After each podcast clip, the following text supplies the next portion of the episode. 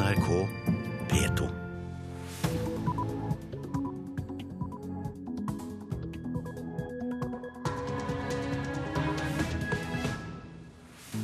God morgen, klokka er 6.30. Du hører på Nyhetsmorgen med Anne Gjertlund Hansen. Dette er hovedsaker den neste halvtimen. Norsk politi har dratt til Italia for å avhøre mannen som er siktet for å ha drept en 17-åring på Grua i Oppland. Politiet vil ha ham utlevert til Norge. Vi vil iverksette det arbeidet med å få han utlevert eh, så raskt som mulig. Det sier Linn Hilde Fosso i politiet. Nesten halvparten av barnefamiliene som fikk nei til opphold i Norge, har fått omgjort saken etter ny behandling. Men det er ikke godt nok, mener SV. Og hvordan forbereder en norsk minister seg på å ta opp kvinners rettigheter med Vatikanet?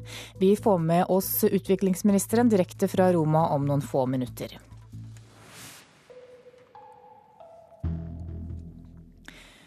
Norsk politi håper at de i dag skal komme i gang med å avhøre mannen som er siktet for å ha drept den 17 år gamle jenta i Grua i Oppland.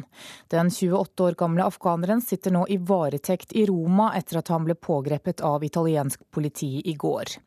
Vi ønsker å avhøre ham så raskt som mulig, det sier retts- og påtaleansvarlig i Vest-Oppland politidistrikt, Linn Hilde Fosso.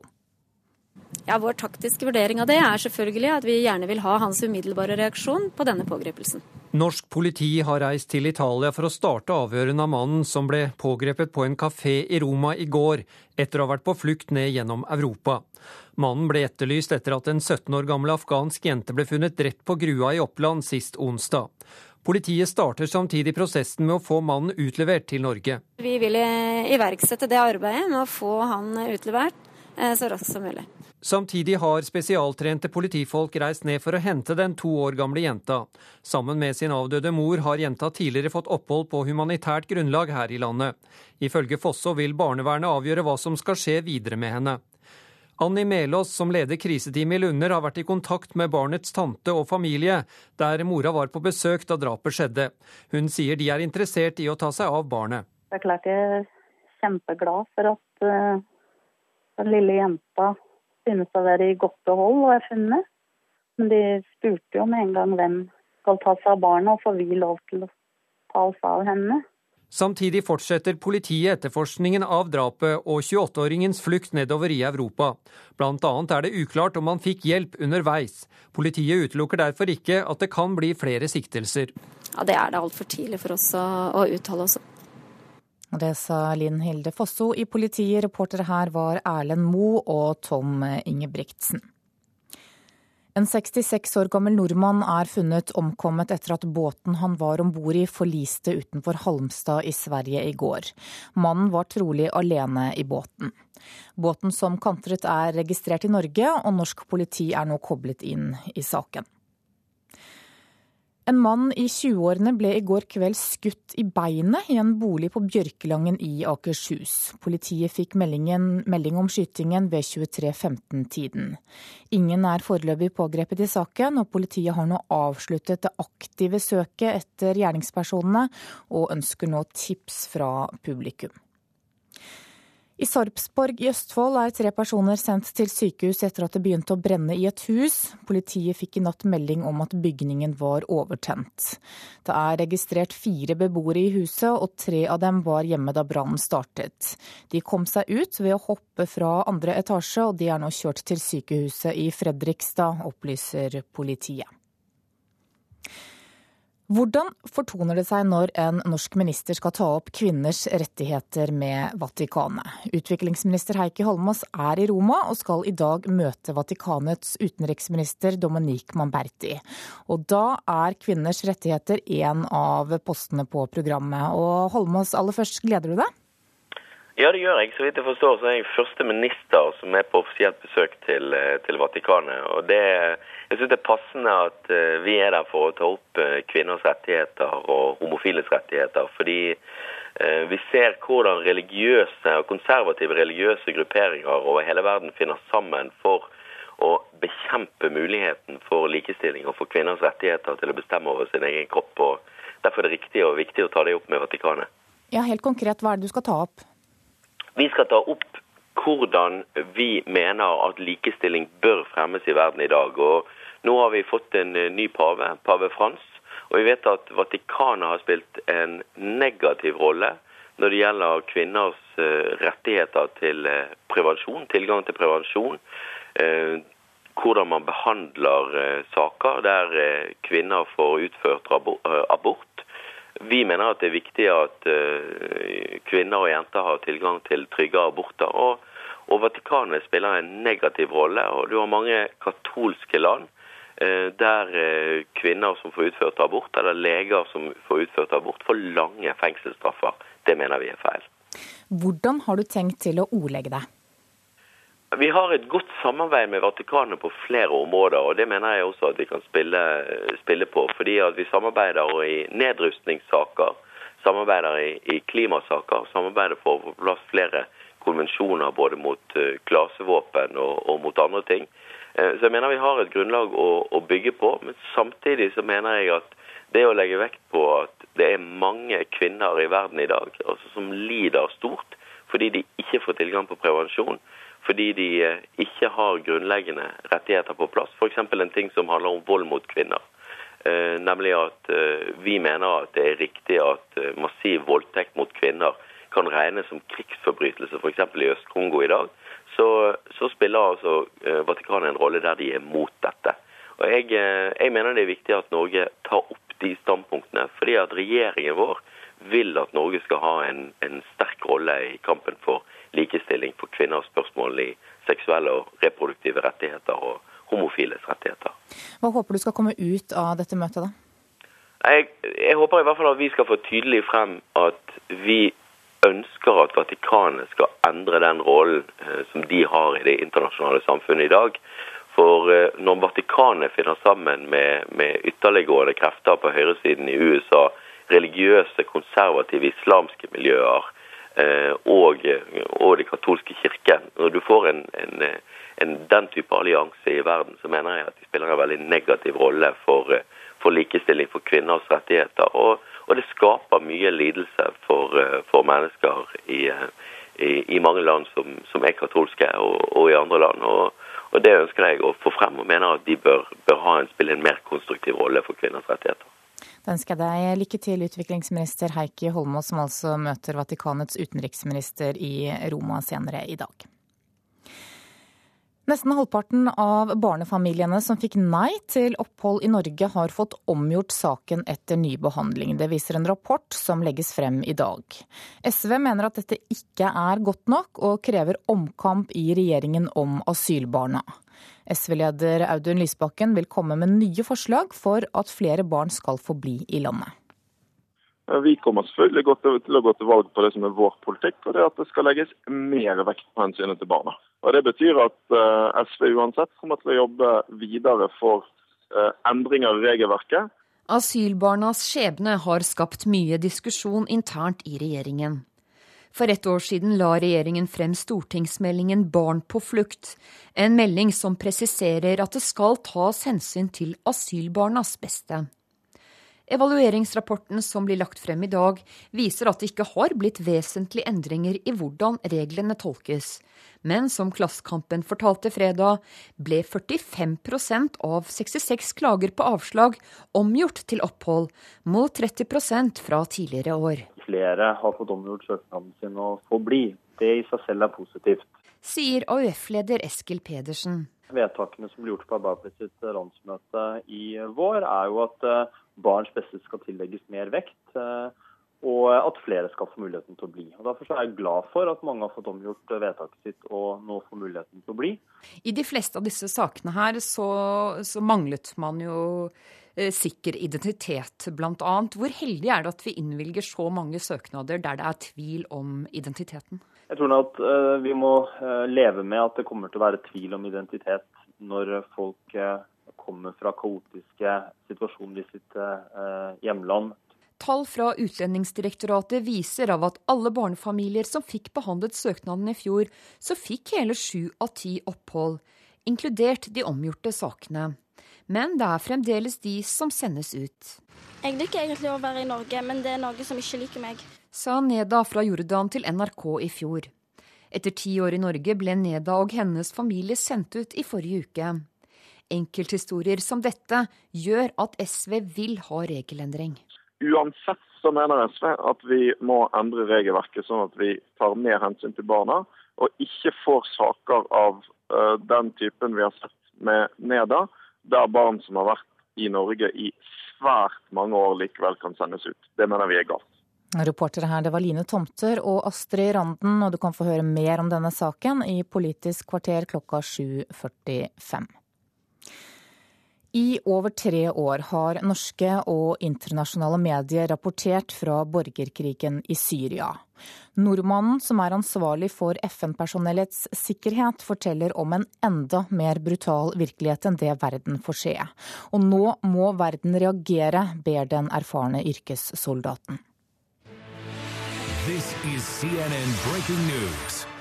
All righty, first for you, I want to share something that's new this morning. Huge fireballs have been lighting up the sky in Syria, and Syria is blaming Good evening. Israel The violence in Syria looks increasingly like the early stages of a civil war.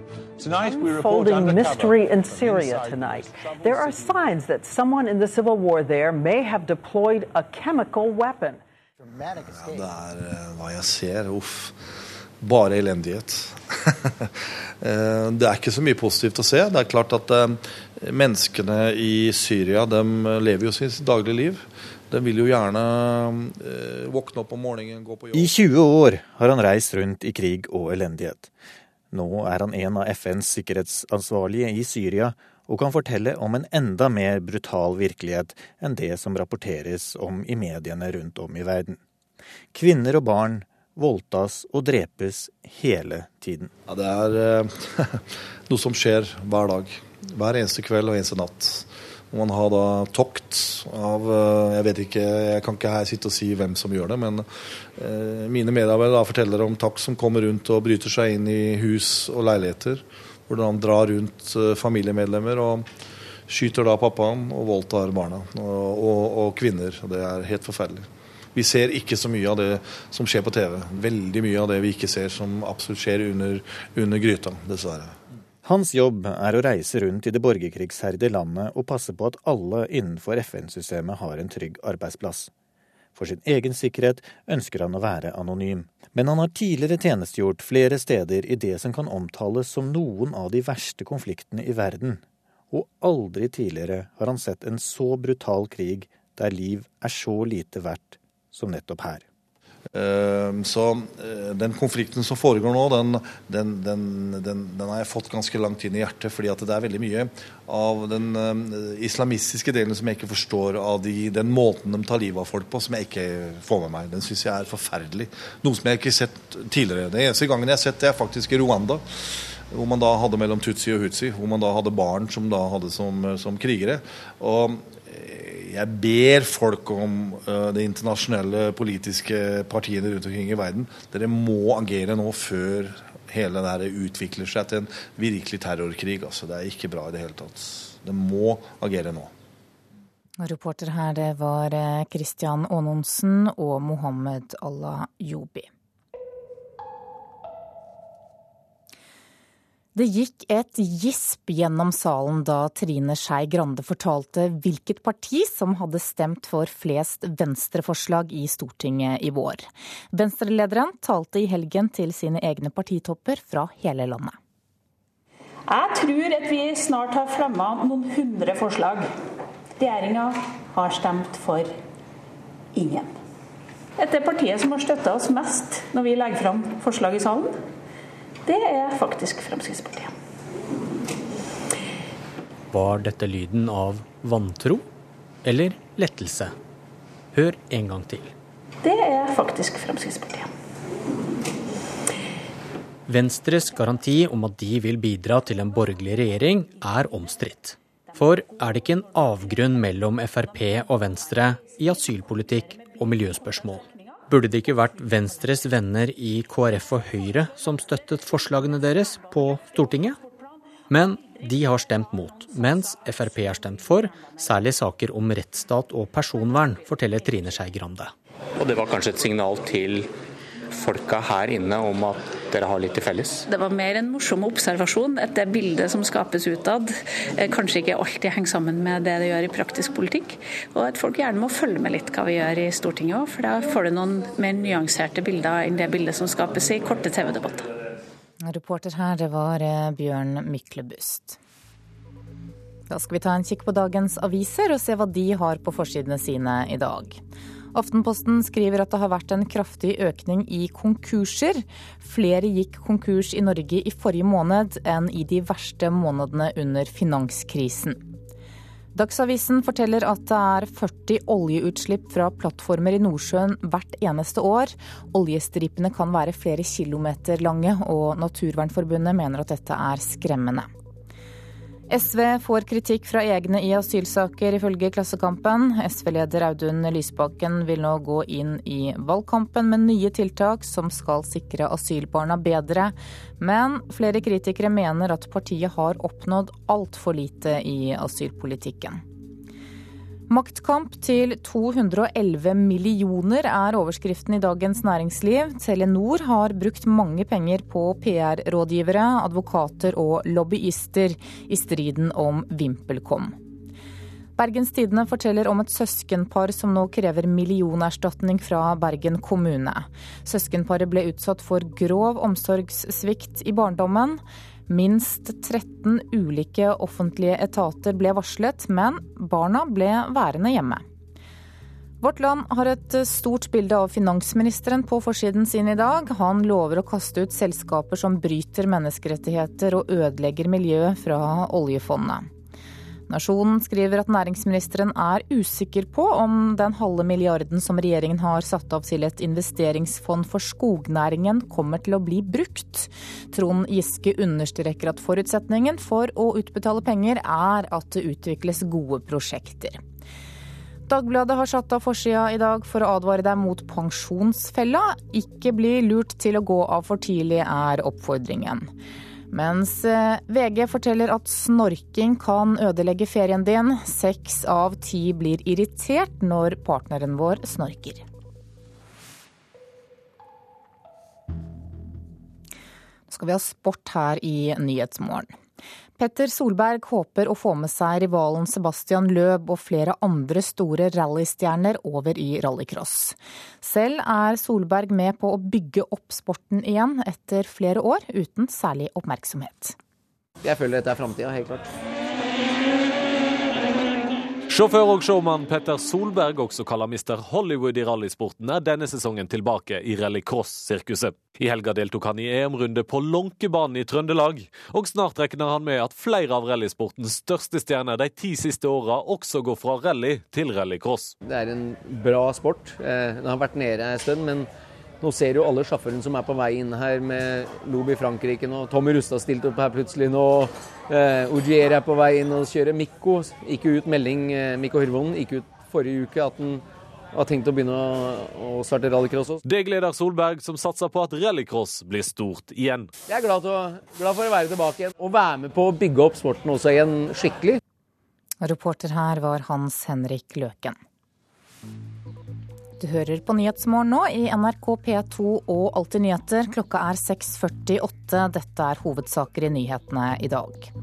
Norsk politi håper at de i dag skal komme i gang med å avhøre mannen som er siktet for å ha drept den 17 år gamle jenta på Grua i Oppland. Nesten halvparten av barnefamiliene som fikk nei til opphold i Norge, har fått omgjort saken etter ny behandling, men det er ikke godt nok, mener SV.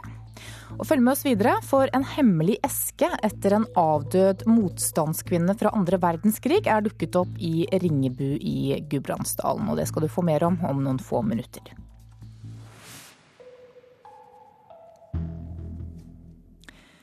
I Nord-Østerdalen så er det så mange skader etter flommen at politiet ikke har tid til å ta seg av alt arbeidet med taksering av skadene. Derfor har de kalt inn pensjonerte lensmenn for å hjelpe dem. Det gjør meg absolutt ingenting. Den tidligere lensmannen i Alvdal og Folldal, Geir Brun, er ute på takseringsjobb i Alvdal. Han har vært pensjonert i et halvt år, men har nå blitt kalt ut i arbeid igjen, og det har han ingenting imot. I mai herjet elva Auma i Nord-Østerdalen og etterlot seg store skader. I dag skal Brun finne ut hvor store skadene er. Her var det ei bru for en stund siden, før flommen kom. Og den eh, ser du er nå borte. Så den eh, vet jeg er sagt at den var sett langt ned i Glomma-vassdraget. Det er mange skader etter årets flom. Bare i Alvdal er det registrert over 60 skader, mens det er nesten 180 til sammen i Nord-Østerdalen. Og nettopp derfor er den pensjonerte lensmannen Brun tatt inn for å taksere. Det er rett og slett for mange skader til at politiet kan klare det alene, forteller lensmannen i Tynset, Bjørn Tore Grutle. Da er det rett og slett et kapasitetsspørsmål eh, for å klare å ta unna og for å klare å få gjennomført befaringer før, eh, før vinteren trår til. Nei, det er klart det skulle ha vært eh, renska noe elvløp her, er ikke noe tvil om annet. Politiet er ikke profesjonelle takstmenn. Derfor har Geir Brun med seg Kjell Horten og Ole Nyhus på befaringen i Alvdal. De er utnevnt av tingretten som skjønnsmenn, dvs. Si at de er fagmenn med kompetanse til å taksere skadene. Horten er fra anleggsbransjen og Nyhus fra jordbruksbransjen. De har vært med på denne typen arbeid siden 1995, og nå er de med og ser på skadene etter årets flom. Nei, Det vi ser her nå, nedstrøms nære brua, det er at eh, elva har vært så stor, så har begynt å gå til angrep på fyllingene på veiskråningene nedstrøms, spesielt på ene sida. Så det må noe plastringsmasse til for å få sikre fundamenter. Det er mange både små og store skader etter flommen, og Horten synes det er leit å se ødeleggelsene. Nei, Det er jo aldri morsomt å se på skader som er gjort, og som medfører skade på andre manns grunn. Kunne gjerne tenkt oss å være foruten det. Geir Brun synes heller ikke det er noe moro å se alle skadene flommen har etterlatt seg, men han setter pris på å få en liten pause fra pensjonisttilværelsen. Jeg liker jo å drive ute blant folk, og liker å være i det distriktet som er i nå, for jeg har jobbet i mange år oppi her, og syns det er veldig fint å komme tilbake. Reporter her, det var Vivian Stensrud. Nettstedet Wikipedia ber om seks millioner kroner i årlig støtte fra staten. Det er første gang nettleksikonet ber om dette, og pengene skal bl.a. gå til å gjøre nynorsktilbudet bedre. Høyre vil heller gi pengene til Store norske leksikon. Her er vi jo inne på en eh, artikkel om Oslo. Eh, det er byen vi befinner oss i. Dette er da artikkelen på Bokmåls-Wikipedia om Oslo. Dette er jo en svært lang og god artikkel. Han viser frem nettleksikonet Wikipedias side om Oslo på bokmål. Erlend Bjørtvedt er nestleder for Wikimedia Norge, en stiftelse som legger til rette for at den norske utgaven av Wikipedia skal fungere best mulig. Nå har han søkt staten om seks millioner kroner for å utvikle de norske Wikipedia-sidene på samisk og nynorsk. Vi ser den artikkelen på nynorsk. Den er straks eh, langt mer begrensa hvor vi ønsker å mobilisere særlig miljøer innen samisk og på minoritetsspråk i Norge ellers. Wikimedia Norge vil bruke pengene på å rekruttere flere frivillige skribenter. Wikipedia er et nettleksikon som drives av frivillige over hele verden ved hjelp av private donasjoner. Kulturdepartementet sier at Wikipedias søknad vil bli behandlet frem mot statsbudsjettet til høsten. Men om Høyre kommer til makten, kan det bli vanskelig å få støtte. For kulturpolitisk talsmann Olemic Thommessen vil heller gi pengene til nettutgaven av Store norske leksikon, som bl.a. får penger fra flere universiteter i Norge. Jeg mener at uh, vi i utgangspunktet ikke skal gi statsstøtte til uh, forskjellige typer kunnskapsbaser som uh, dukker opp på nettet. Store norske leksikon har vært skal jeg si, alle norske hjems kunnskapsbase i, i generasjoner. Eh, de er kjennetegnet først og fremst gjennom at de kvalitetssikrer eh, kunnskapen. Altså man kan ikke bare gå inn og legge inn en artikkel. Eh, dessuten så er de jo basert etter hvert på et samarbeid med høyskolene og universitetene som en formidlingsbase av den kunnskapen som de utvikler. Hvis jeg f.eks. søker på 1814 men hos konkurrenten Store norske leksikon får Wikipedia støtte. Anne Marit Godal er hovedredaktør for snl.no, nettutgaven av Store norske leksikon. Hun mener vi trenger begge nettsidene. Så Haja Tajik burde bruke sjansen til å si ja, vi trenger den infrastrukturen for å publisere leksikon som er gratis, Den gir vi til SNL. Uh, I tillegg så burde jeg bruke sjansen til å gi Kulturrådet veldig mye flere penger til innholdsproduksjon. Og der mener jeg Wikipedia helt klart burde få penger. Reporter her, det var Eirin Venås Sivertsen og Dana Vanoo. En hemmelig eske etter en død motstandskvinne fra andre verdenskrig er nå dukket opp i Ringebu i Gudbrandsdalen. Innholdet viser at den ukjente motstandskvinnen gjorde en stor innsats under krigen, og nå blir hun minnet i en ny utstilling. Så er det noen lapper, illegale lapper. Torveig Dahl og Oddleiv Ringlund ved Gudbrandsdalsmuseet åpner pappesken med hemmelige beskjeder, fotografier og mikrohåndarbeider fra krigen. Jeg blir veldig rørt. Jeg syns det er veldig sterkt. Det gjelder jo noen tanker om hva de har vært igjennom. Og det er mye forskjellig. Esken tilhørte Sigrid Nordrum i Ringebu, eller Kess. En av få motstandskvinner med eget kodenavn under andre verdenskrig. Kjære ukjente. Jeg tillater meg denne gang å sende noen ord med Kessy. Siste dagers nyheter har også gjort underverker. Det har vært en litt tung og vanskelig periode nå en tid, og da særlig for en som sitter innestengt. 20. mai 1943.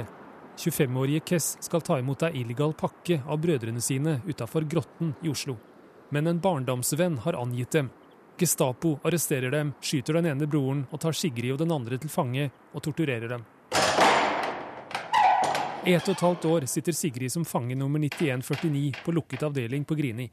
Likevel klarer hun å delta aktivt i det illegale motstandsarbeidet. Hun jobba veldig aktivt mens hun satt på Grini, og jobba mye illegalt med å sende ting ut og inn fra Grini. Så hun utsatte seg sjøl for stor risiko mens hun satt på Grini. Etter freden snakket hun ikke om det hun opplevde i fengselet. Etter at Sigrid Nordrum døde i Fåvang i 2008, fant etterkommerne eska med fangesaker. Alt som er laget her, er illegalt gjort. Materialet er smuglet inn, eller jeg tok i stykker nederst på tøyet mitt. Den inneholder bl.a. 75 lapper med illegale beskjeder, fotografier og en mengde små mikrohåndarbeider. Alt gjort i skjul mens hun satt på lukket avdeling på Grini mellom 1943 og 1945. Det er et ganske enestående materiale og ei enestående historie. Og det var ikke så mange kvinner som hadde kodenavn, så det tyder på at hun har vært mye mer illegale arbeidet tidligere. Et interessant funn også i nasjonal sammenheng, sier fungerende sjef på Norges hjemmefrontmuseum, Ivar Kraglund. Det, det, er spennende at dette i tillegg da er en, eh, en kvinne som uh, har eh, en dramatisk beretning. Det, det setter en ekstra spiss på det. Nå blir innholdet i eska ei utstilling på Krigsminnemuseet på Kvam. Samlinga blir også lagt ut på digitalt museum, slik at alle kan se den. Jeg tror det er veldig viktig, og jeg tror at det vil skape stor interesse. For det, det er så veldig enkelt og lite, men samtidig så innholdsrikt. Reporter det var Stein S. Eide.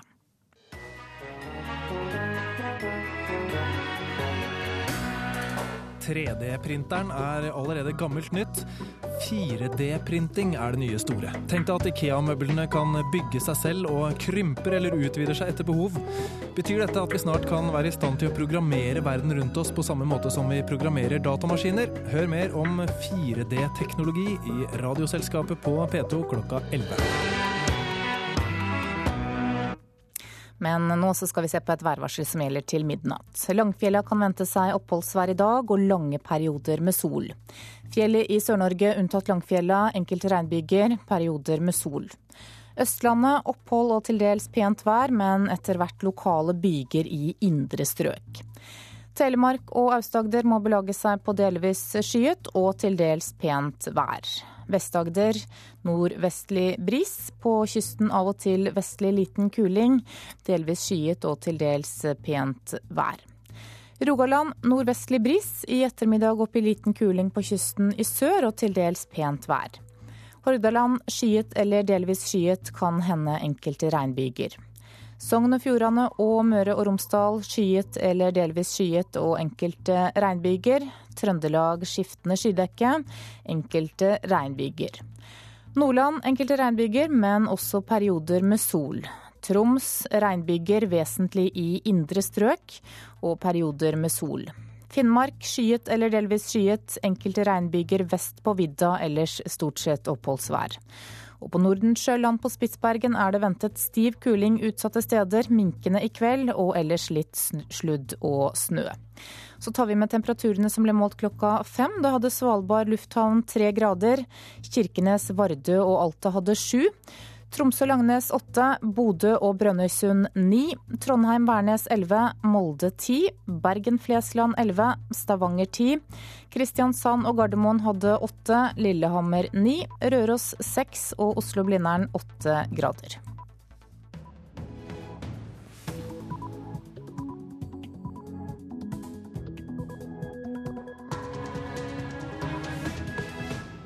Klokka er sju. Du lytter til Nyhetsmorgen med Anne Jetlund Hansen i studio. Her er en nyhetsoppdatering.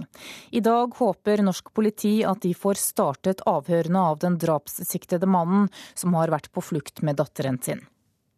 Ja, Vår taktiske vurdering av det er selvfølgelig at vi gjerne vil ha hans umiddelbare reaksjon på denne pågripelsen.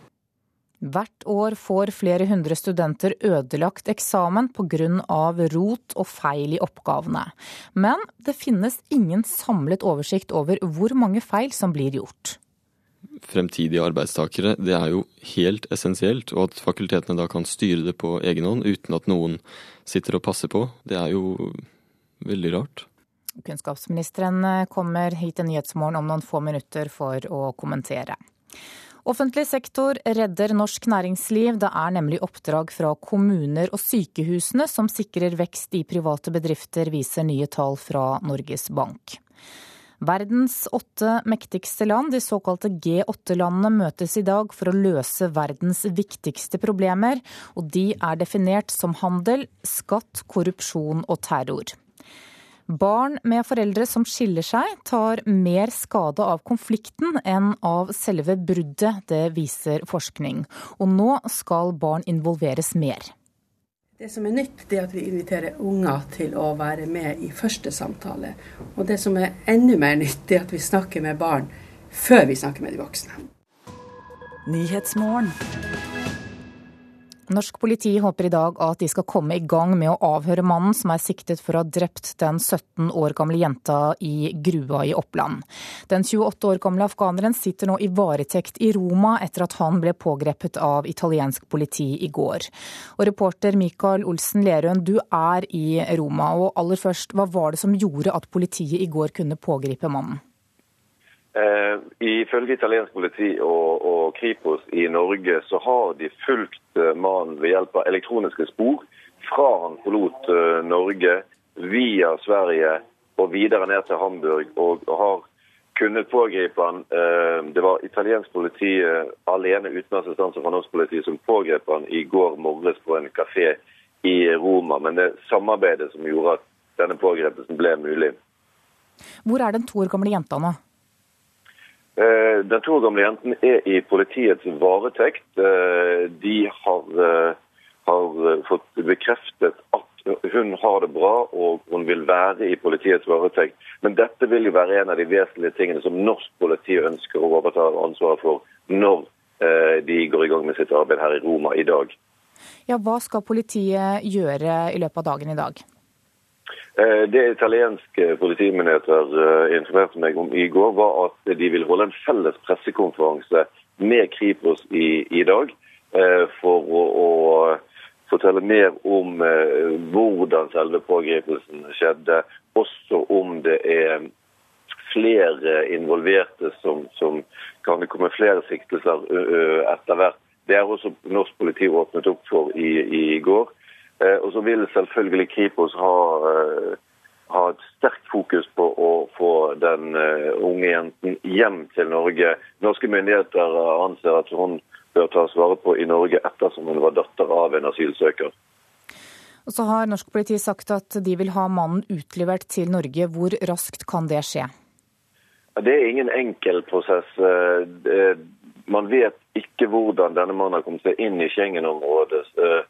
Og, eh, og, den prosessen må nok politiet sette av litt tid til. Det har de også sagt i går, at dette kommer til å ta litt tid. Eh, men de vil arbeide med det fra og med i dag.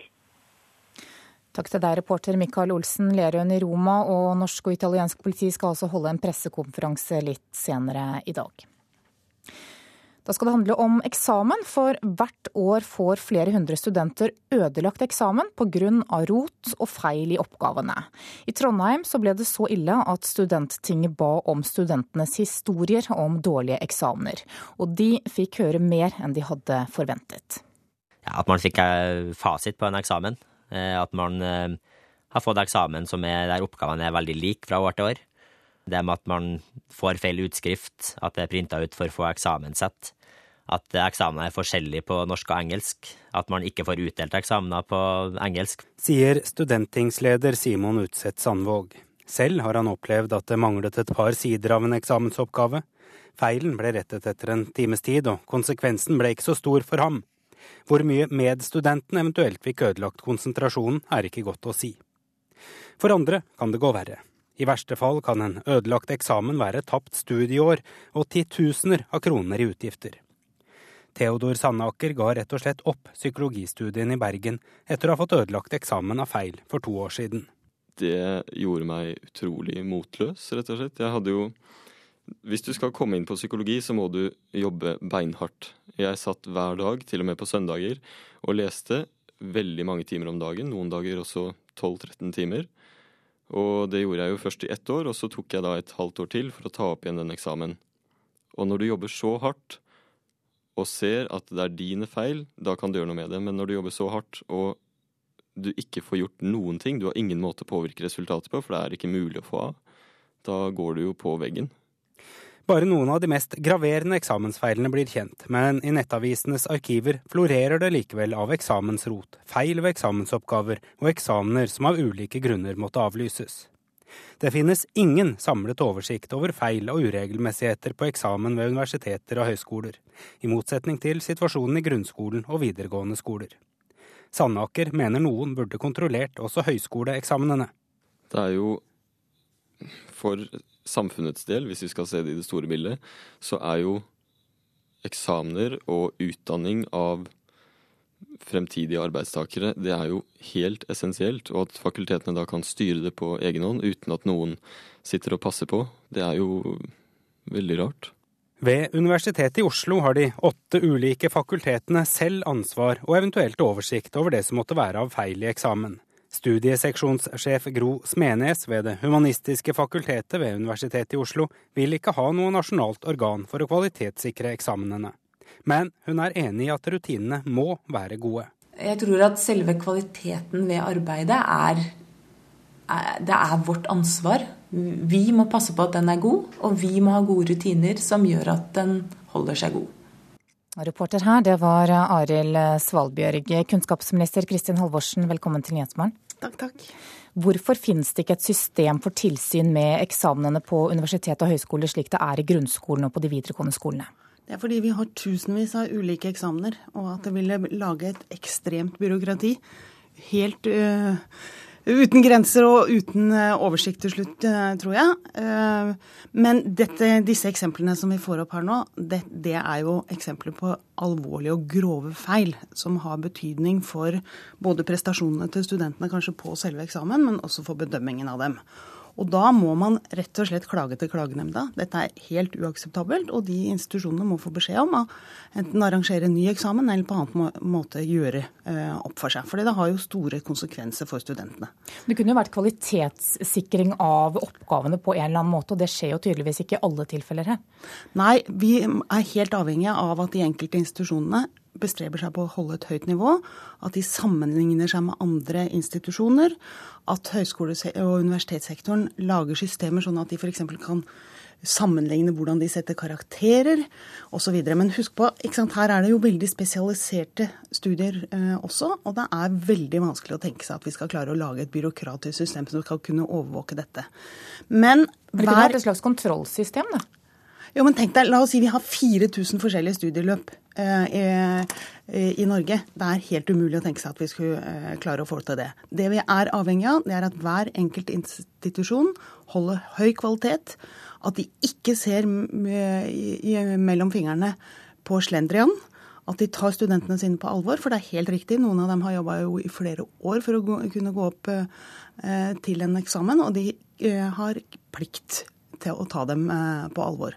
Og for å holde et høyt nivå, så er det viktig at man sammenligner seg med andre Eh, studiesteder. Både i forhold til hvordan man utformer eksamen og hvordan man setter karakter. Ja, Vi hører jo her at det ikke finnes noen oversikt over hvor utbredt problemet er. Hvorfor ikke? Fordi at det er ikke håndterbart å tenke seg at vi skulle eh, bygge et sånt byråkrati som skulle klare å få til det.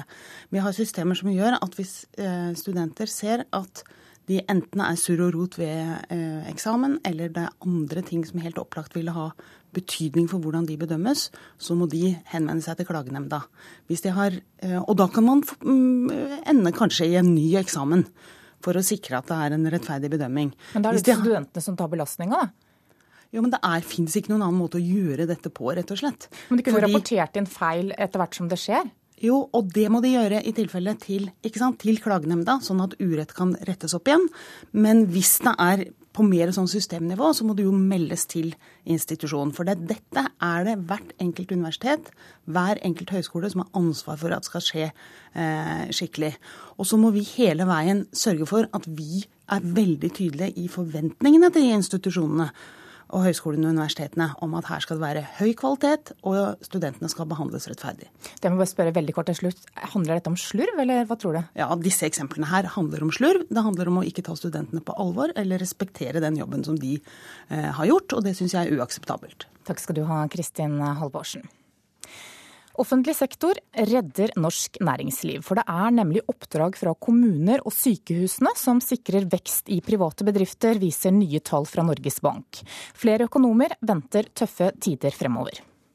Jeg tror folk eh, bruker litt mindre penger. Det har blitt tøffere? Helt klart.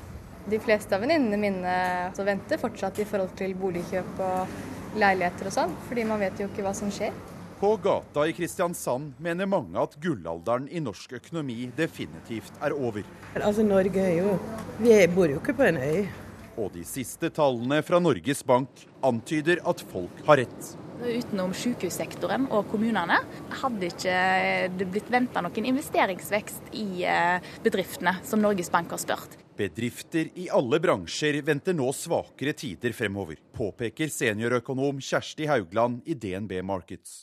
Enda mørkere hadde det sett ut uten raus offentlig pengebruk fra kommuner og sykehus. Hadde det ikke vært for dem, så hadde en hatt nullvekst mer eller mindre i investeringsplanene. Og sjeføkonom Jan Andreassen i Eika-gruppen mener Norges Banks regionale nettverk egentlig kunne vært enda verre. Det Norges Bank gjør, er å skrape litt i overflata i næringslivet og ta et knippe vellykkede mellomstore norske bedrifter og spørre dem hvordan det går. Og de melder at det går svakere.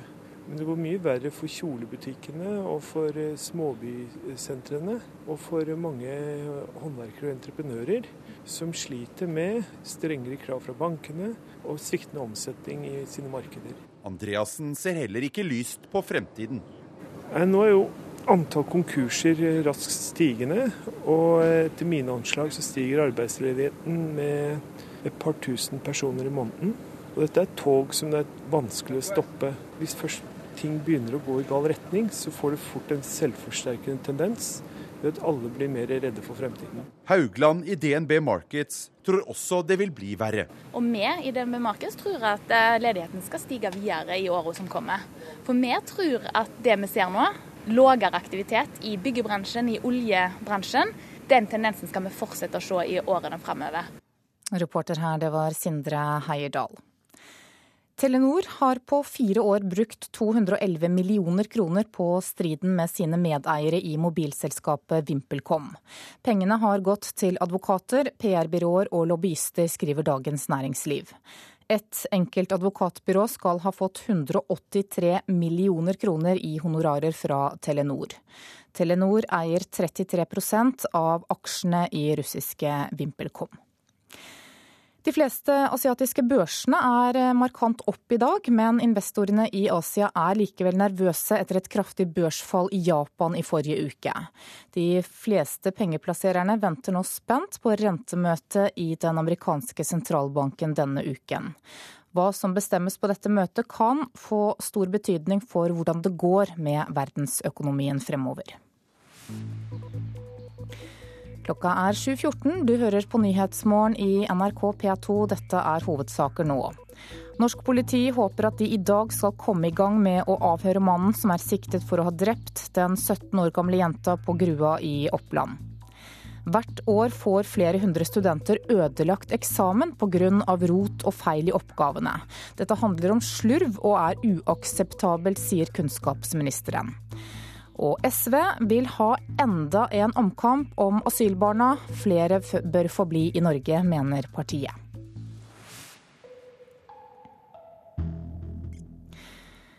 I dag setter lederne for verdens åtte mektigste land, de såkalte G8-landene, seg sammen for å løse verdens viktigste problemer. De er definert av det britiske vertskapet som handel, skatt, korrupsjon og terror.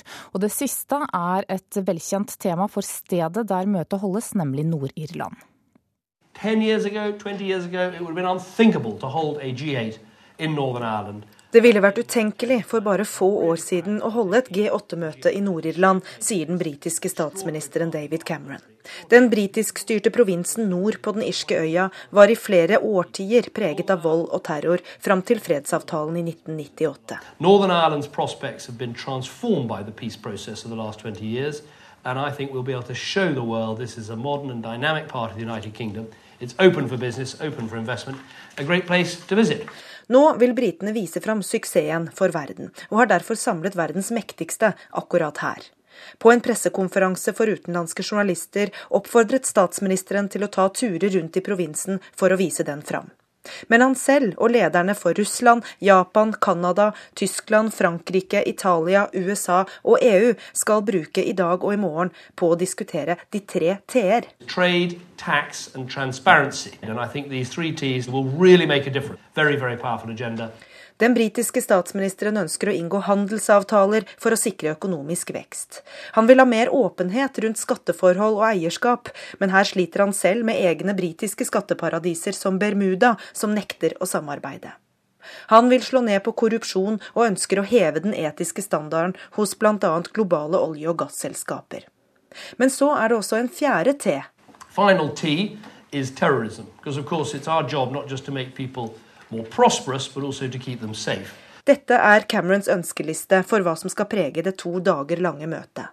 Men et internasjonalt pressekorps viser med all tydelighet at det er mange temaer som både krever og fortjener oppmerksomhet. To arm or not to arm Syria, that's the question. In um, light of the recent events uh, in Istanbul, uh, what is the British government's stance? Can you elaborate a bit more on the status of the EU negotiations with Canada? Because they seem to be a bit of a standstill and uh, not going anywhere. The question about the most uh, hard point of uh, uh, UK-Russian relationship, uh, Litvinenko case. Prime Minister, do you think it's time for us, for the strong, rich countries like Britain, France, to try to sort the, the debt problems and the crisis of the south of Europe? Verken han eller resten av G8 klarer å tilfredsstille alle. Heller ikke de mange demonstrantene som er ventet til Enniskillen der møtene holdes i kveld. Spørsmålet er vel heller snarere om det kommer noe konkret ut av møtene i det hele tatt. For hva skal egentlig til for å kalle årets G8 vellykket? Um, good, good question. I mean, I think, I think on you know, shoot the lights out and hit every target. But on the agendas of tax, transparency, and trade, and indeed terrorism, I hope we make some good, solid progress. Vi hørte den britiske statsministeren David Cameron der til korrespondent Gry Blekastad Almås og et internasjonalt eh, pressekorps i forkant av det to dager lange G8-møtet, som altså starter i dag. Direktør Ulf Sverdrup ved Norsk utenrikspolitisk institutt, god morgen. God morgen. Cameron er optimistisk, hører vi her. Hva med deg?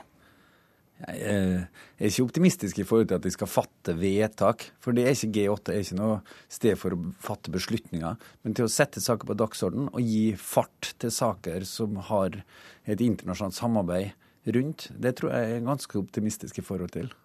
Vi hører at trade, tax, transparency og terrorism er hovedtemaene. Det er store temaer og store mål. Hva kan dette G8-møtet få til da, for å sette dette på dagsordenen? Nei, altså, uh, Det trade-spørsmålet, altså handel, da handler spesifikt om frihandelsavtale mellom EU og USA. Så det er jo noe som er i forberedelsen. Uh, så det er ganske avklart. Uh, det andre spørsmålet om skatt. Der er jo en lang forhistorie rundt bekjempelse av skatteparadis, økt innsyn i, i internasjonale investeringer.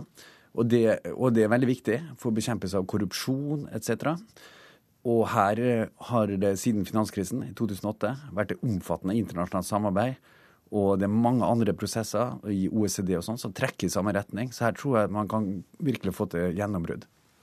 Hva med store pågående konflikter f.eks. i Syria? Hvor stor plass får eh, slike konflikter under, et, under dette møtet? Eh, det vet jeg ikke. Men eh, det her er jo opp til de som sitter der. Det, være, det er jo ikke det har ikke et sekretariat. og Det er slags uformelle prosesser her. og Litt av poenget er jo at disse lederne skal møtes i en uformell sammenheng og kunne diskutere løst og fast. Og Sånn, sånn verden ser ut nå, så er jo Syria et av de viktigste spørsmålene. og det er det er noe uenighet også, da, mellom Russland og USA f.eks. i Syria-spørsmålet. Så sannsynligvis så blir det anledning til å diskutere noe av det. Kan du si litt om hvorfor denne gruppen er så viktig? Det viktige, det er jo i internasjonal sammenheng, så er jo veldig mange problemer i samfunnet er av en transnasjonal karakter. Og det er stort behov for å fatte beslutninger og koordinere prosesser mellom statsledere. Og det er viktig å bygge tillit på et personlig nivå mellom statsledere. Slik sett så er det organet viktig. Hvordan er samarbeidsklimaet mellom de som møtes her eh, i dag? Ja, det, det, vet jeg ikke. Det er vel litt sånn forskjellige ting. Altså, de, Disse europeiske møtes jo veldig hyppig. Og mange av de andre har jo vært rundt bordet ganske lenge. Så eh, jeg vet ikke hva som er den personlige kjemien. Men uh, det virker jo som de er i godt mot. Og så hørte vi her at det er ventet demonstrasjoner også under dette møtet. Hvorfor blir det så mye bråk når disse G8-landene samles? Noe av det er nesten rituelt. Det har vært det lenge. Nei, det er to ting tror jeg, som trekker retning av det. Det første er at det er en generell skepsis mot globalisering. Og da blir det her organet her sett på som et viktig organ til å fremme globalisering. Det andre er at man var bekymra for at det skal være liksom, de rike landene som koordinerer sin politikk på bekostning av de fattige. Eh, sånn sett er det en kritikk mot det. Men eh, hvis du husker litt tilbake, så på et G8-møte og i Storbritannia, Glenn Eagles, så var spørsmål om utviklingshjelp og sanering av gjeld viktige spørsmål. Og det som er tema nå, om skattespørsmål, det er kanskje et av de viktigste for, eh, for de fattigste landene. Takk for at du kom til Nyhetsmorgen, direktør Ulf Sverdrup ved Norsk utenrikspolitisk institutt. Og G8-landene starter altså sitt møte i dag. Da skal vi til Tsjekkia, for der går statsministeren av etter at stabssjefen hans ble siktet for grov korrupsjon. Blant annet hadde stabssjefen beordret militær etterretning til å spionere på statsministerens kone.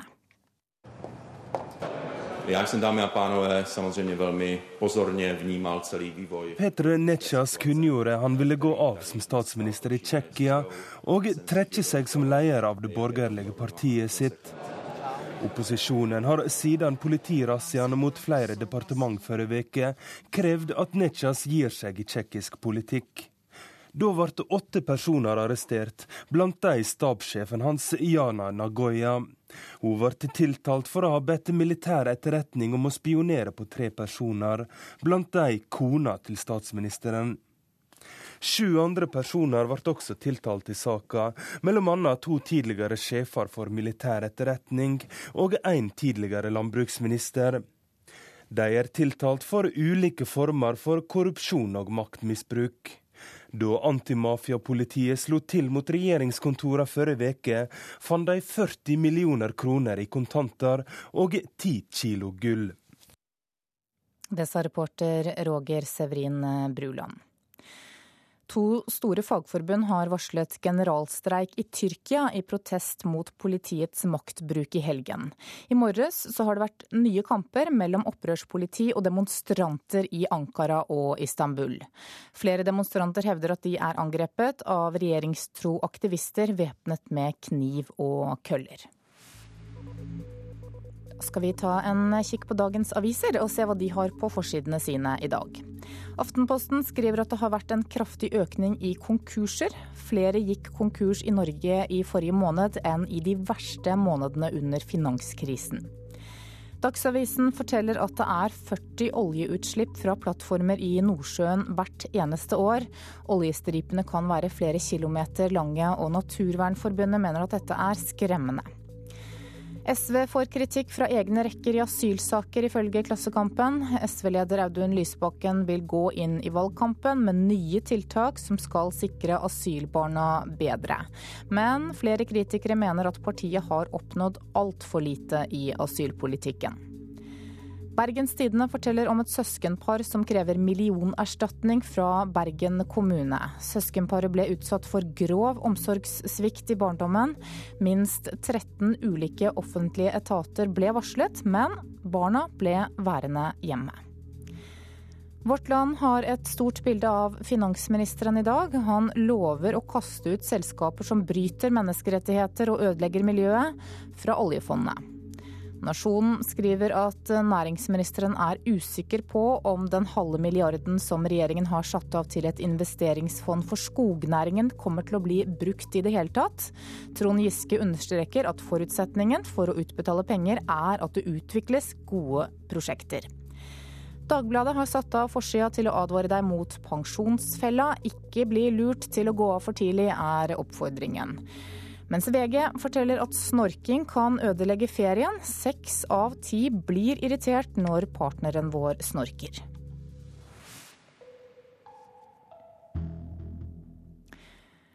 I 2010 så var det mer enn 20 000 meklinger mellom foreldre som har valgt å gå fra hverandre. Forskning slår fast at barna skades mer av konflikten enn av selve bruddet. Nå skal familievernkontoret i Tromsø, som det første i Norge, involvere barn over sju år fra første meklingstime ved samlivsbrudd. Jeg syns det er veldig, veldig, lav alder, sju år. Ja, eh, Det høres jo spennende og interessant ut. Det er jo nytenkning. Jeg har vært igjennom det der, og jeg tror de er små til å ta det valget der. For at de er så lojale at de har vanskelig for å, å ta et valg. Jeg, jeg syns det er greit. For det er ungen som skal eh, være og bo der hos foreldrene. Den vet jo sjøl hvor den vil være hen det er jo tross alt ungen. Det handler om at ungen skal føle seg ja, trygg. Det er blandede følelser blant folk i Tromsø om å involvere barn allerede fra første meklingstime. Gjertrud Jonassen, som jobber som mekler ved Grenland familiekontor i Skien, utvikla en modell i 2012 som nå skal brukes i Tromsø. Det som er nytt, er at vi inviterer unger til å være med i første samtale. Og det som er enda mer nytt, er at vi snakker med barn før vi snakker med de voksne. Tror at det har innvirkning på samarbeidsklima mellom foreldrene. Og jeg tror også at det er viktig at ungene får komme med sin, sin mening. Det er noen som, som, utfordrer meg litt på om, om jeg spør hvor ungene vil bo, og at de skal ta stilling til det. Og det spør jeg ikke om. I en rapport som Folkehelseinstituttet lagde på oppdrag for Bufdir fra juni i år, slås det fast at barn skades mer av konflikten mellom mor og far enn selve bruddet. Leder ved familievernkontoret i Tromsø, Lars Rostadmo, ønsker å oppnå at tankene om at barn skal ha rett til å høres, blir satt i virksomhet. Eh, at de kan komme med sitt budskap til foreldrene, som oppsummeres av eh, mekleren som møter dem. Et budskap som eh, vil kunne som bør gjøre inntrykk på foreldrene å høre, og som de tar med i sin vurdering når de lager en barneavtale. Da er det om å gjøre å være kloke foreldre som eh, virkelig lytter til det som ungene har sagt i små og store ting. Prosjektet skal ha forskningsoppfølging ved Regional kunnskapssenter for barn og unge ved Universitetet i Tromsø. Forskerne René Tørnblad og Astrid Strandbu vil se på bl.a. hvordan det er for barn å være med i meklinga, og hvordan deres budskap blir tatt imot. Det er et prosjekt som er spennende på så mange måter. men for å starte med én ting, så er det et prosjekt som tar utgangspunkt i at et praksisfelt. Altså her Familievernkontoret prøver ut noe nytt. Og de tar kontakt med Universitetet i Tromsø og ønsker at dette prosjektet blir fulgt opp gjennom forskning. Så Det er en måte å forske på som passer veldig godt inn i våre forskningsstrategier. Også tematisk, eh, fordi at barns deltakelse er et sentralt eh, fokus hos oss. Lars Rostadmo, leder ved Tromsø familievernkontor, håper dette prosjektet kan danne grunnlaget for den fremtidige meklinga, og at det skal bli en ny tradisjon å involvere barnet på denne måten. Det er helt klart av betydning for foreldrene på å forstå kanskje enda mer om hvor ungen befinner seg. Vi håper at det kan være med å danne grunnlag for en sånn framtidig og bedre meklingsordning som i større grad involverer ungene enn det gjør nå. Det sa leder av familievernkontoret i Tromsø, Lars Rostamo. Reporter var Elise Holdal. Du lytter til Nyhetsmorgen. I reportasjen etter Dagsnytt så skal du få høre at Panamakanalen kan få konkurranse av en kanal som nå planlegges gjennom Nicaragua. I Politisk kvarter klokka 7.45 så blir det debatt om asylbarn. Produsent for Nyhetsmorgen i dag det er Vidar Eidhammer, og her i studio Anne Jetlund Hansen.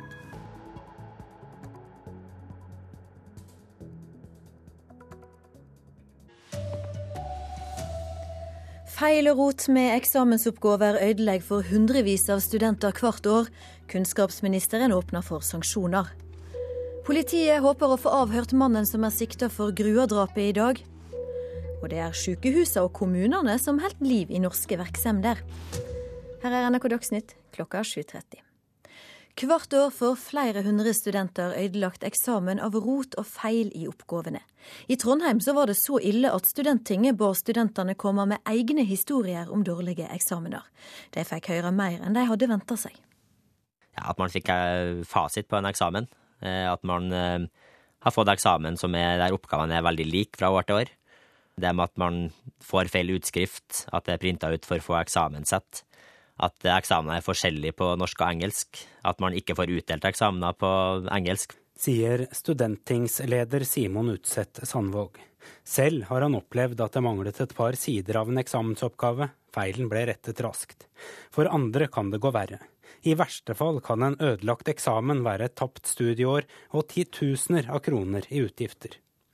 Theodor Sandaker ga rett og slett opp psykologistudien i Bergen etter å ha fått ødelagt eksamen av feil for to år siden. Og når du jobber så hardt og ser at det er dine feil, da kan du gjøre noe med det. Men når du jobber så hardt og du ikke får gjort noen ting, du har ingen måte å påvirke resultatet på, for det er ikke mulig å få av, da går du jo på veggen. Det finnes ingen samlet oversikt over feil og uregelmessigheter på eksamen ved universitet og høyskoler, i motsetning til situasjonen i grunnskolen og videregående skoler. Et søk i landets nettaviser viser likevel at det ikke er uvanlig at en universitetseksamen blir ødelagt av feil. Sandaker mener noen burde kontrollert også høyskolene.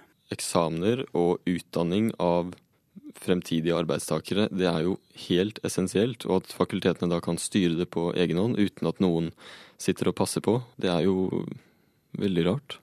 Reporter Arild Svalbjørg. Og før sending spurte jeg kunnskapsminister Kristin Halvorsen om hvorfor det ikke finnes et system for tilsyn med eksamener på universitet og høgskoler, slik en har for grunnskolen og den videregående skolen. Det er fordi det er flere tusen studieløp. Og helt umulig å tenke seg at vi kan bygge opp byråkrati som skal kontrollere dette fra utsiden. Vi er helt avhengig av at hver enkelt høyskole og hvert enkelt universitet tar studentene sine på alvor og har god, høy og god kvalitet på eksamen. Studenttinget i Trondheim krever at det bør innføres sanksjoner mot det instituttet som slurver med kvalitetssikringa. Er det en idé? Ja, det er i hvert fall ganske sjokkerende noen av de eksemplene som eh, kommer fram her, og ingen institusjoner i Norge verdig. Så jeg er ikke uvillig til å diskutere om grove brudd på rutiner rundt eksamen også kan bety at man skal sette inn tiltak eh, på noe vis. Men det mest forsmedelige for studentene er jo hvis de har jobba lenge uten å kunne eh, få gå opp til en rettferdig eksamen der alt er på stell. Det må vi forvente av alle studiesteder at de har. Norsk politi håper å få avhøre den eh, drapssikta mannen i Grua-saka alt i dag. Den 28 år gamle afghaneren sitter i varetekt i Roma, der han ble pågrepet i går.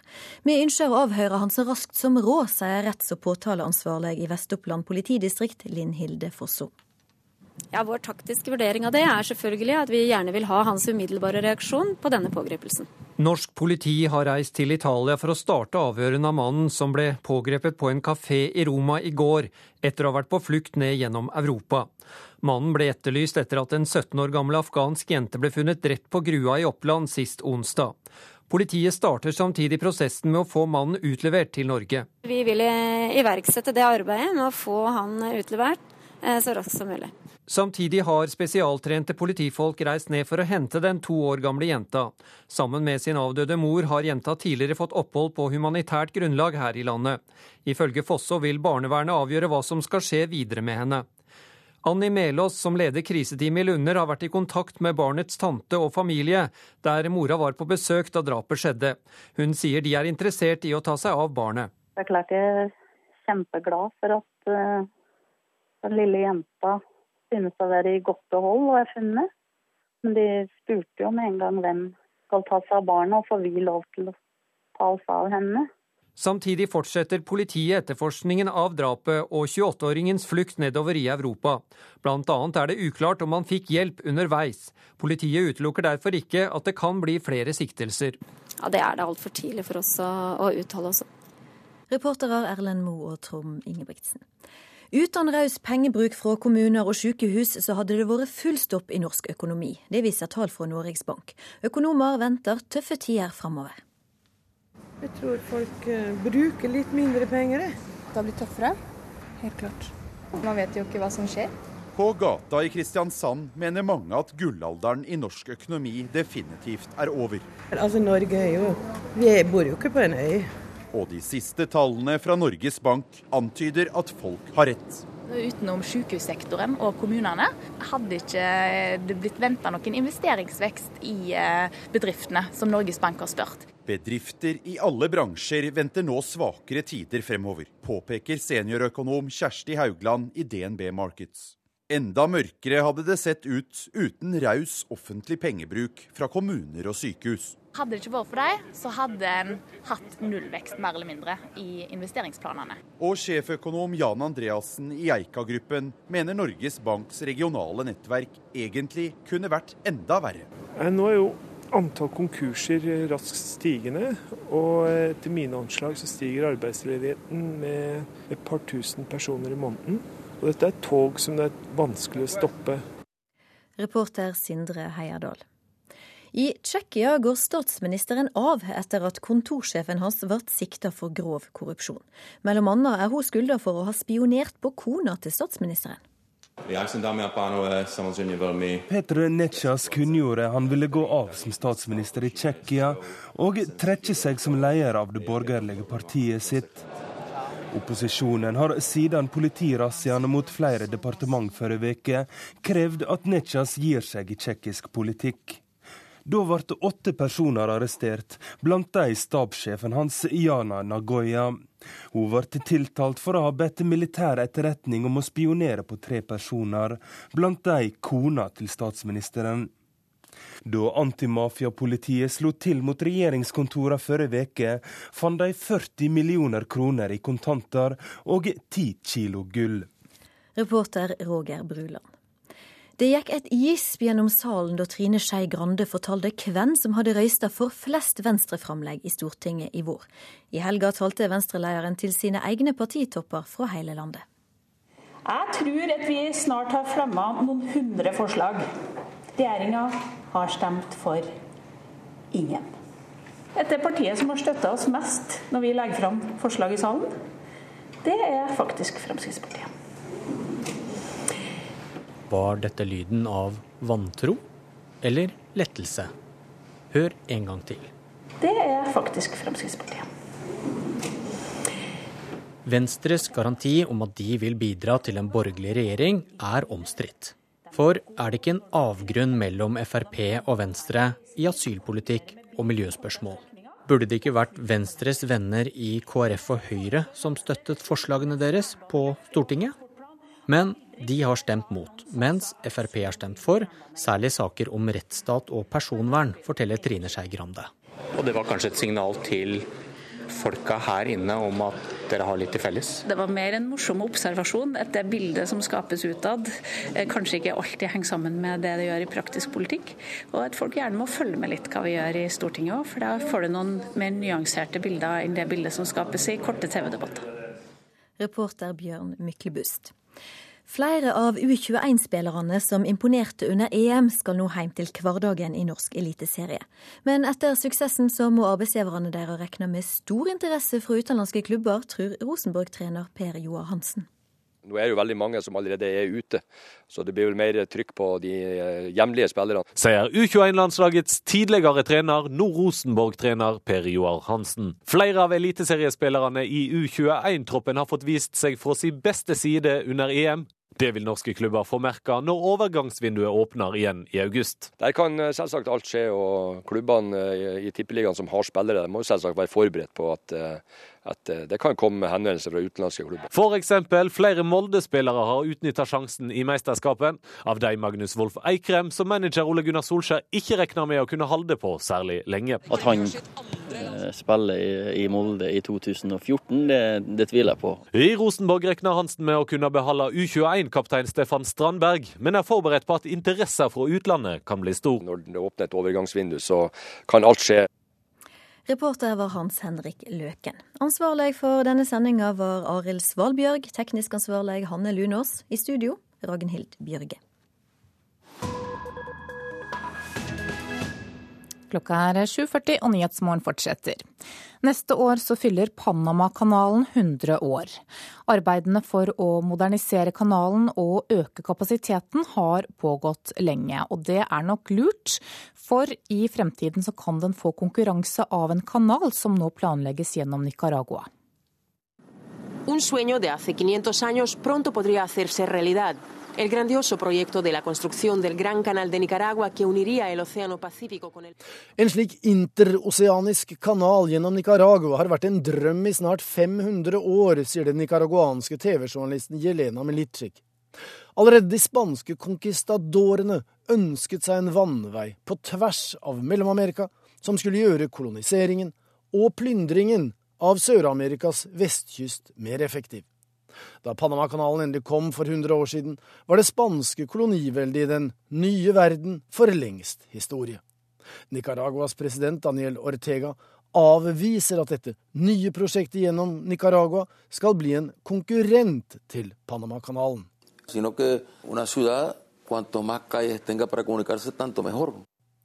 Det er som en by som vokser, sier Daniel Ortega. Den trenger flere parallellgater. Underforstått, det er behov både for og plass til to kanaler mellom Stillehavet og Atlanterhavet. Nylig ble det inngått en avtale der Nicaragua og Folkerepublikken Kina skal samarbeide om å bygge en eventuell ny kanal gjennom nettopp Nicaragua. Rådgiver Paulo Quist ved presidentens kontor i Managua forklarer bakgrunnen for hvorfor denne drømmen kan se ut til å bli en realitet nå, det vil si om ca. 15 år og 200 milliarder kroner. All of this creates a strategic opportunity in Nicaragua to construct an interoceanic canal. Verdenshandelen øker. Det økonomiske tyngdepunktet har allerede forflyttet seg fra aksen USA-Europa til USA-Asia, sier Paulo Quist.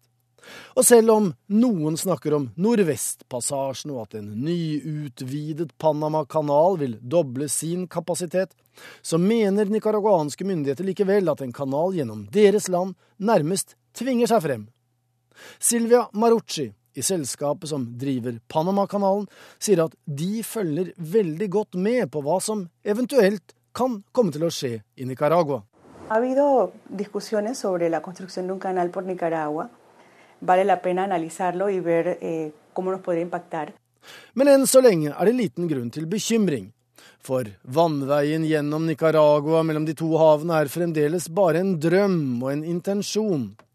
Finansieringen er et stort usikkerhetsmoment, ikke minst så lenge traseen heller ikke er klar. Det finnes en fem-seks alternativer der de fleste går gjennom den store Nicaragua-sjøen, hvilket forenkler selve konstruksjonen noe, selv om utfordringene uansett er enorme. Og de ansvarlige for Panamakanalen, som snart står klar med nye og større sluser og med flaskehalsen Gayard Cut i ny og bredere utgave, de ser lyst på fremtiden. Nosotros lo vemos con mucho interés. Ese, esos buques hasta ahora no habían transitado nunca por el canal de Panamá, principalmente por. En båt på normal størrelse som går gjennom Panamakanalen betaler, avhengig av vekt og størrelse, om lag 1 million kroner for å halvere avstanden mellom New York og San Francisco. Det går ca. 40 båter gjennom kanalen hver dag, og med større båter og økt kapasitet så blir det mer penger i kassa til vertslandet. Kanalen er i dag viktig for Panama. En ny kanal vil bli enda viktigere for Nicaragua. Reporter her, det var Joar Hoel Larsen.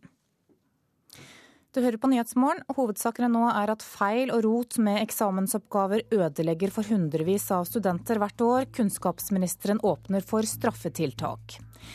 Politiet håper å få avhørt mannen som er siktet for å ha drept en 17 år gammel jente på Grua i Oppland, og at avhørene kan starte allerede i dag. Og det er offentlige virksomheter som sykehus og kommuner som holder liv i norske bedrifter.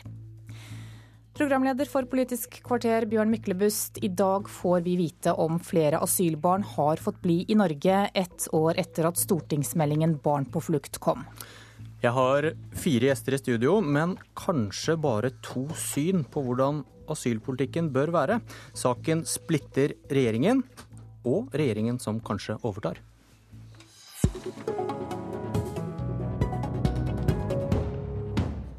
I forrige uke ble Neda og hennes familie sendt hjem til Jordan. Neda hadde vært ti år i Norge, men foreldrene hadde løyet om sin identitet.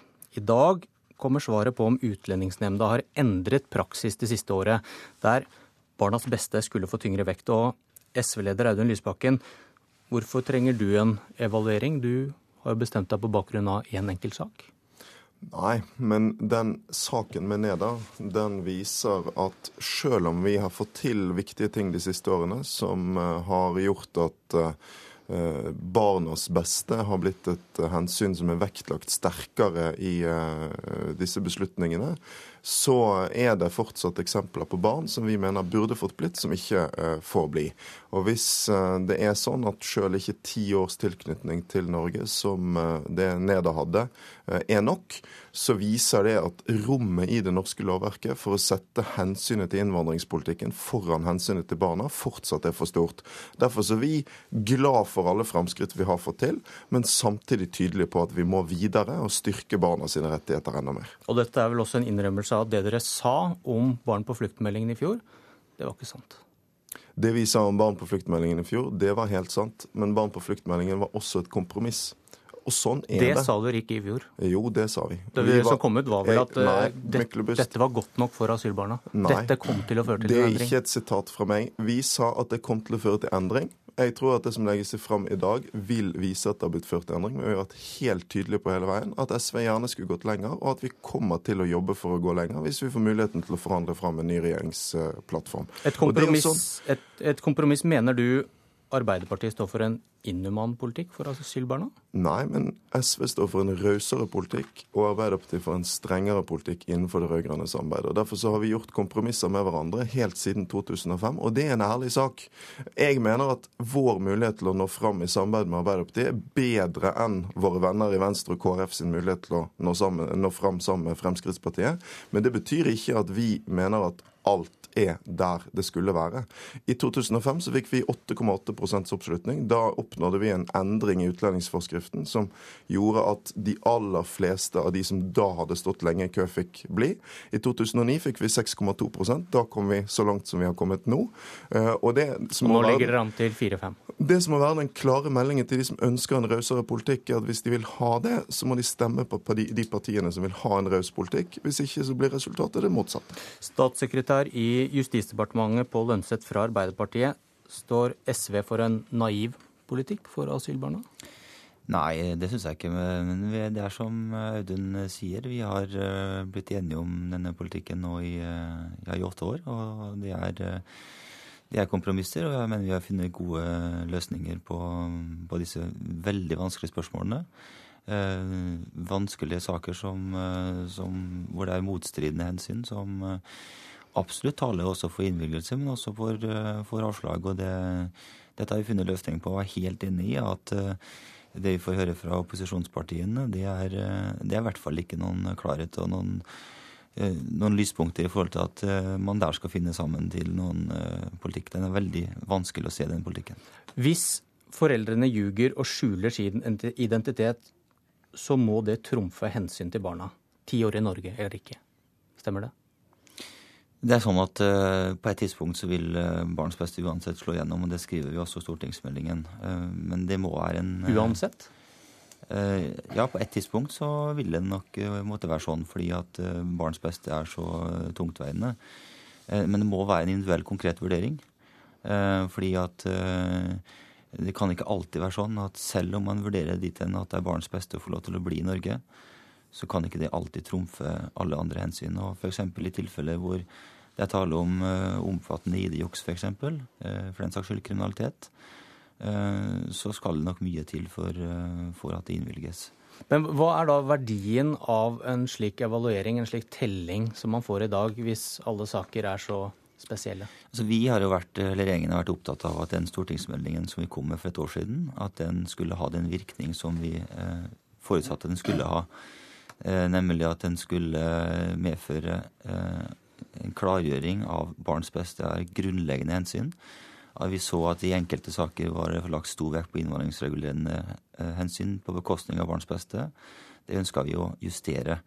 Eh, og jeg håper og tror at eh, det er også rapporten fra Utlendingsnemnda vil vise det i dag, at den har virka.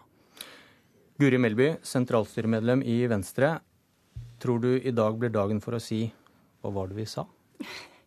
Jeg har en liten følelse av det, men jeg skal ikke være altfor kjapp med å konkludere. Hva var det dere sa? Eh, nei, Det vi sa, var jo at eh, stortingsmeldinga Barn på flukt var veldig mye fine ord på papiret, men vi ikke trodde at det kom til å føre til noen reell endring av praksis. Og sjøl om det nå ser ut til at det kanskje er noen flere barn som har fått opphold, noe vi i Venstre er veldig glad for, så syns jeg også det var verdt å merke seg en setning som var referert i Klassekampen på fredag fra rapporten, nemlig at UNE ikke anså at det nødvendigvis var skjedd en praksisendring. Eh, for de mente jo at de ikke hadde hatt den samme strenge praksisen som det regjeringa beskyldte dem for, men at de hadde vektlagt barns beste hele tida. Eh, så vi har jo hele tida sagt at hvis man vil ha en reell endring, hvis man faktisk vil at barns beste skal telle mer enn innvandringsregulerende hensyn, så må man komme med endringer i forskrifter og regelverk, og ikke sende gode intensjoner via en stortingsmelding. Og så synes jeg også Det er litt sånn pussig hvis det rød-grønne samarbeidet funker sånn at hvis SV går opp en prosent eller to, så får de mer gjennomslag, eller hvis de går ned en prosent eller to. Det synes jeg høres ut som en veldig lite raus samarbeidspolitikk, og det er ikke den erfaringa vi har med Høyre, i alle fall. Og jeg tror jo at det må være mye mer komplekst enn som så, hvem som får gjennomslag i regjering. Det må jo også være de gode argumentene som vinner fram, eh, og de gode sakene som gjør at ett parti får gjennomslag eller ikke. Står Høyre for en inhuman politikk for asylbarna? Eh, vi har god erfaring med å få til løsninger sammen med Høyre. Det har vi også gjort i Bondevik 1 og Bondevik 2. Det er ikke noe, er ikke at, det er tvil om at det er avstand mellom Venstre og Høyre i den politikken her. Eh, og vi tror at vi fører en for streng politikk når det gjelder asylbarna. At innvandringsregulerende hensyn blir vektlagt for mye, og det mener jeg også at Høyre gjør. Vi bruker ordet streng, ikke inhuman, registrerer jeg. Michael Tetzschner, stortingsrepresentant for Høyre. Står Venstre for en naiv politikk for asylbarna? Jeg har ikke lyst til å karakterisere Venstre spesielt her, men eh, noe som er ganske naivt i hele debatten her, det er at man tror at man kan forandre forvaltningspraksis i Norge uten å forandre eh, de lover og de forskrifter som man eh, jobber på oppdrag fra. Og denne stortingsmeldingen, det må jeg med respekt å si, bare har vært en samtaleterapi om noe som har plaget politikerne, hvor man har sagt at nå blir det endringer, nå blir det endringer. Symbolpolitikk? Rett og slett fordi denne stortingsmeldingen, ja for det første rent formelt så blir den bare vedlagt protokollen. Den har ikke et eneste tiltakspunkt eh, i seg. Den beskriver selvfølgelig hvordan regjeringen eh, kan se på andre saker. Men hvis man vil forandre en forvaltningspraksis i Norge, så må det forandre lov og forskrift. Og jeg vil si heldigvis for det ellers så hadde vi jo eh, infisert forvaltningen med løpende politisk eh, debatt og, og, eh, og, skjønn, og da ville vi fått en politisert rettshåndhevelse i Norge. Hva, hva, vil, hva vil, Høyre gjøre? Ja, Dere ligger jo an til regjeringsmakt. I det, I det, store og hele være ærlig og si at vi, vi, står bak det regelverket som er nå. fordi det er også noe som skal, må, må, må frem i debatten. Og det er at de som tar disse enkeltsakene uten å kjenne eh, detaljene, eh, de gjør en del kortslutninger. Blant annet så, så vil det ofte være i barnets interesse å følge familien ut av landet. Når det viser seg at familien ikke er på flukt og, og har meget velordnede forhold i andre hjemland enn, enn de de oppga da de kom. Det andre er at uh, vi også må sørge for at det blir gitt ut signaler som gjør at folk ikke kommer til Norge og tror at de bare kan enten unndra seg myndighetskontakt eller sitte i asyl Og så håpe at uh, bare man sitter lenge nok, så man, blir man slust inn i det norske samfunnet.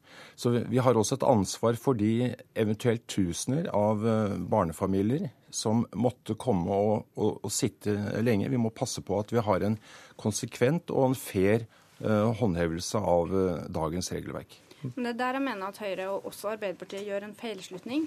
For man tror at eh, de justeringene vi gjør f.eks. når det gjelder vektlegging av barns beste, er det som påvirker flyktningstrømmen. Når vi ser at det som virkelig påvirker innvandringa til Norge, er hvor det er store konflikter f.eks. i verden. Uh, og man har ikke sett at sånne små regelendringer har verken bremsa eller økt innvandringa. Uh, så der mener jeg at Men du, du tror ikke at en eventuelt aksept for identitetsløgn vil ha noe å si for hvor mange som kommer hit Men for å Men Venstre aksepterer heller ikke identitetsløgn. Nei, men det var ikke spørsmålet. Du Nei. tror ikke det har noe å si? Eh, det kan godt hende at enkelte som er i Norge, eh, oppfører seg etter sånn som forvaltninga eh, fører, men veldig, den store massen av innvandring til Norge bestemmes av hvor det er konflikt i verden.